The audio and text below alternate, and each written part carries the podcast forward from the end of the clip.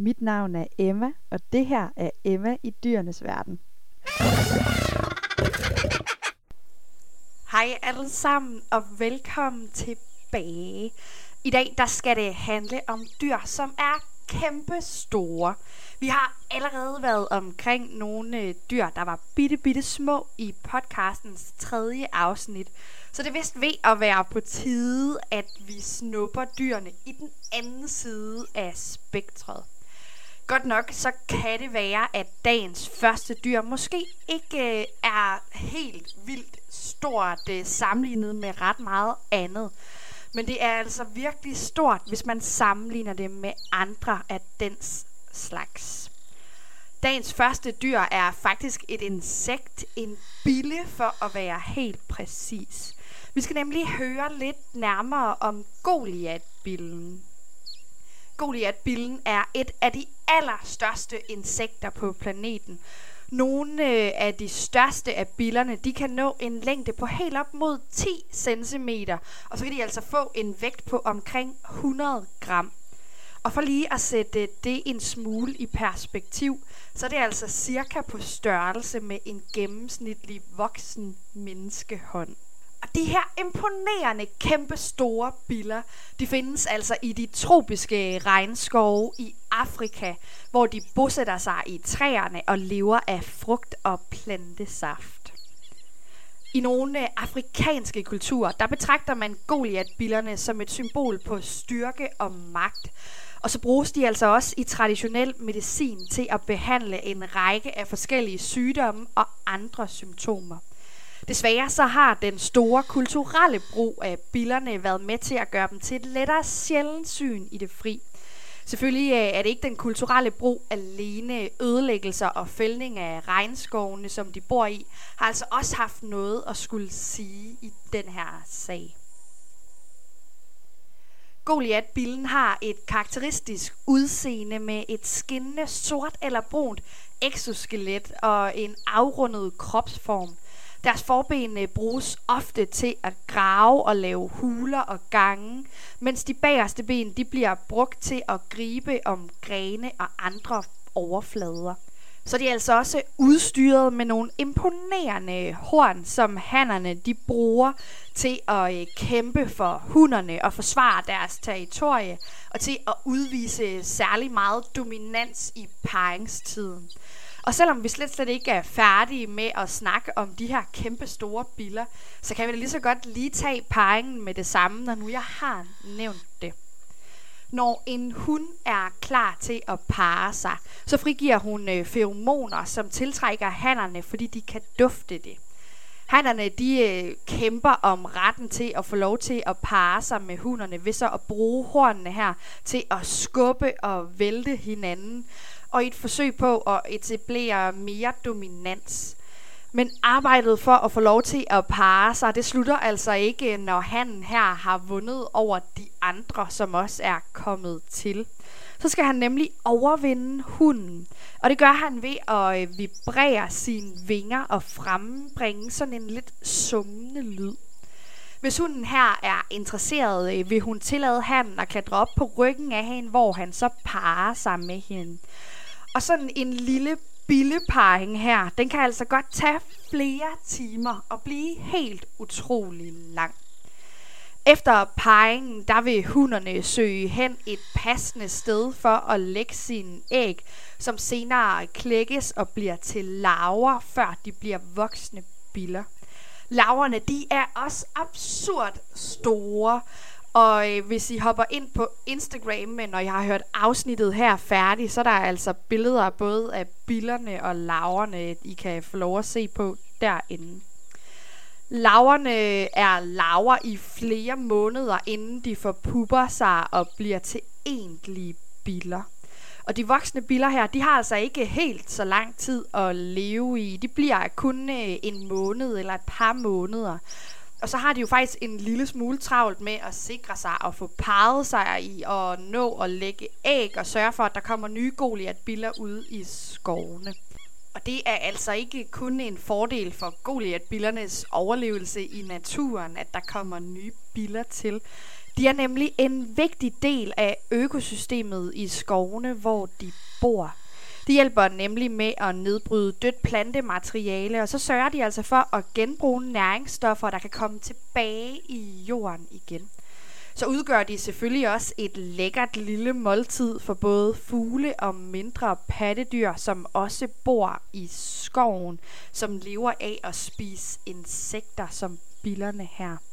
Og på den note, så synes jeg faktisk, øh, at vi slutter af for billerne her, og hopper til et dyr, som ikke bare er større end billen, men som er helt vildt kæmpestort. Dagens næste dyr er ikke bare helt vildt stort. Faktisk så mener man, at det er det største dyr, der nogensinde har levet på jorden. Vi skal nemlig snakke lidt om blåvalen. Blåvaler, de kan blive intet mindre end 30 meter lange. Og så kommer nogle af dem altså helt op på en vægt på omkring 200 ton.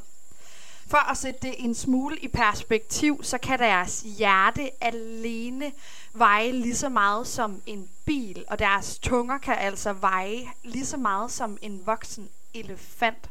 Og det er altså ikke kun de voksne blåvaler, der er helt vildt store. Det er ungerne altså også. Ungerne de vejer cirka 2,5 ton, når de bliver født, og inden for det første år kan de have nået en længde på 27 meter. Den første tid, der vokser ungerne virkelig, virkelig hurtigt og tager gennemsnitligt 90 kilo på om dagen. Og allerede efter et halvt år, 8 måneder, så vejer nogle af dem altså 9 ton. Men ungerne, dem vender vi altså lige tilbage til. For jeg synes lige, vi skal snakke lidt om øh, spisevanerne for de her kæmpe store dyr. For til trods for deres helt enorme størrelse, så spiser blåvaler faktisk meget, meget bitte små dyr.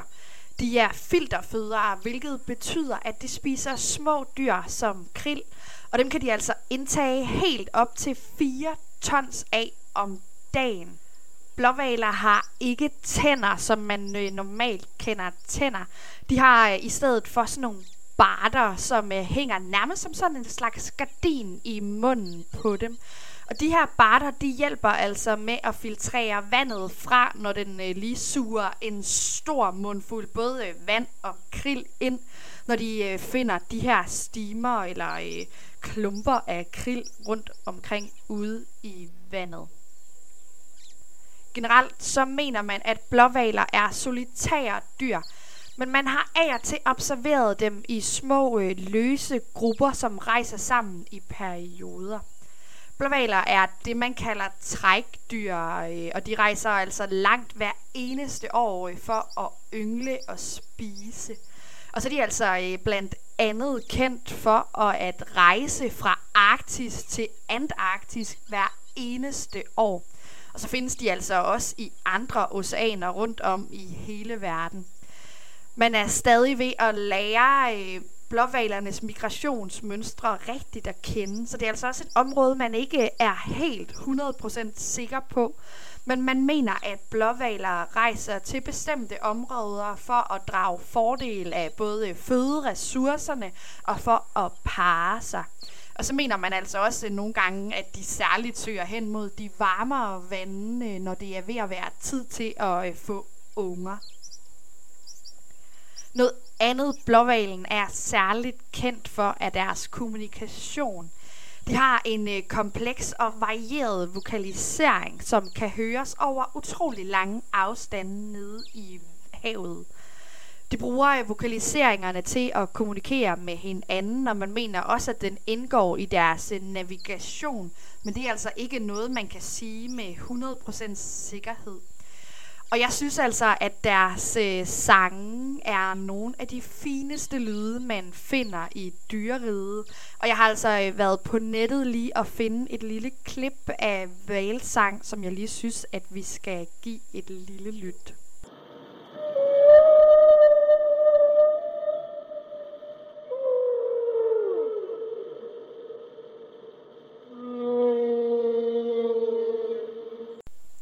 Og når nu de øh, er solitære, eller i hvert fald er primært solitære, så er det altså heller ikke sådan noget med, at de finder faste partnere i paringssæsonerne. Hannerne, de har altså øh, flere partnere per paringssæson, og øh, man øh, hører altså også, at hannerne her, de laver sange, både for at tiltrække hunderne og for at intimidere andre hanner. Det kunne jo være, at øh, den her ene hans sang var meget smukkere end de andre hanners, så hunderne var lidt mere interesseret i at parre sig med ham. Når en han succesfuldt har tiltrukket en hund, så vil parret øh, kredse rundt om hinanden, øh, vokalisere og røre hinanden med deres luffer og halen. Efter parringen, så har hunderne typisk en drægtighedsperiode på mellem 10 og 12 måneder, før de føder en unge. Og så synes jeg, det er sådan lidt øh, en sjov bonusfakta, at man faktisk kalder blåvale unger for kalve. Øh, så man siger altså også, at når de føder, så kælver de ligesom en, en ko gør. Men de får altså øh, den her øh, ene unge, og det første leveår, så er ungen meget afhængig af sin mor. Og derfor former de altså også ret stærke bånd med deres mødre, som de senere skal vendes af med igen, når de skal til at ud og klare sig på egen hånd, eller selv ud og danne de her øh, løse sociale grupper, som de øh, danner en gang imellem. Valer øh, er pattedyr, så ungerne de bliver altså født levende og skal drikke mælk hos deres mødre. Og mælken her, den består altså af omkring 50% fedt, hvilket måske øh, lyder af helt vildt meget. Øh, når, men når man lige skal vokse lige så meget øh, på daglig basis, som vi allerede tidligere har snakket om, at blåvaleungerne her, de skal, så det er altså nødvendigt med al den her øh, fedt i mælken. Der er også øh, masser af andre næringsstoffer i mælken her, som øh, ungerne de drager godt af, når de skal have energi til at øh, tage de her 90 kilo på om dagen. Og så er det altså heller ikke så lidt, de øh, drikker af mælk på daglig basis. Man mener, at ungerne de kan drikke mellem 150 og 600 liter mælk hver eneste dag, alt efter deres alder og deres størrelse. Og det synes jeg altså er rimelig vildt. Og før vi slutter helt af for i dag, så synes jeg altså også lige, vi skal snakke lidt om, hvordan blåvalen her, den egentlig er bygget. For jeg synes altså, det er, øh, den, den er lidt speciel, for det er jo ikke en øh, fisk, vi har med at gøre her. Valer, de er altså pattedyr og har lunger og ikke gælder, så de kan altså ikke trække vejret under vandet. Og det er jo en smule upraktisk, når man så øh, bor hele sit liv i vandet. Men blåvalen her, den er altså udstyret med åndehuller, der sidder på toppen af kroppen. Og hvis nu man har øh, set nogle af de der fede optagelser, der er af blåvaler, eller måske endda har set øh, blåvaler i øh, tegnefilm, så har man måske også øh, set dem bruge de her øh, huller på toppen. Og blåvalen, den kan altså holde vejret utrolig længe. De kan holde vejret helt op til 20 minutter, øh, mens de dykker, og så kræver det altså ikke ret meget mere end et par sekunder ved overfladen, før de er klar til at dykke igen. Og hele respirationssystemet her hos blåvalerne, det er altså også øh, lidt specielt. Blåvalen, den kan altså også både øh, sænke hjerterytmen, og så kan den altså også stoppe eller sådan i midlertidigt i hvert fald, stoppe blod øh, fra at løbe ud til sådan ikke essentielle organer, for at spare lidt øh, både på oxygenen og på energien, så de kan holde vejret i de her øh, lange perioder, hvor de øh, dykker utroligt dybt ned. Og det i sig selv er jo øh, vildt imponerende, men jeg synes altså lige, vi skal vende tilbage til den mund der, for den er altså også øh, helt vildt imponerende. Vi har jo snakket om, at de ikke havde tænder, men at de havde de her barter. Og munden, den er altså også helt vildt stor. Der kan altså gemme sig intet mindre end 90 ton vand og krill i munden på de her øh, blåvaler. Og så mener man altså også sådan cirka, at munden på en blåvale, den måler 28 kubikmeter. Og det er altså øh, ret vildt. Så det her øh, gamle scenarie fra 1940, eller fra Pinocchio, øh, der kom ud i 1940, hvor øh, han bliver spist af den her store val, og sammen med Geppetto og det hele. Det er altså øh, måske ikke sådan helt urealistisk. Det vil nok ikke ske i virkelighedens verden. Men jeg tror altså godt, vi kan blive enige om, at de nok godt kunne have været der, øh, hvis nu det var et scenarie, man forestillede sig kunne ske. Og så tænker jeg, at vi med sådan en fin Disney-note og måske lidt ekstra valsang øh, begynder at runde af for i dag.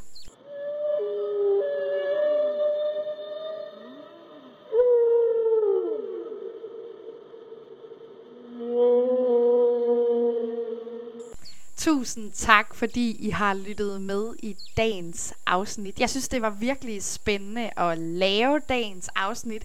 Og også snakke lidt om et dyr, man måske ikke lige nødvendigvis øh, i første omgang ville øh, tænke, hold da, wow, et stort dyr. I hvert fald så havde jeg en af mine venner, der grinede en lille smule af mig, da jeg fortalte ham, at jeg skulle snakke om biller i afsnittet om kæmpestore dyr. Jeg glæder mig virkelig meget til, at øh, vi lyttes ved igen i næste uge. Og øh, husk nu, at I kan hoppe ind på både Instagram og Facebook og få meget mere af Emma i dyrenes verden. Og på Instagram, der kan I altså også øh, se billeder af dagens dyr og også øh, laverne til de her Goliath-biller, hvis I skulle være nysgerrige på, hvordan de ser ud. Vi øh, lyttes ved igen i næste uge. Hej hej.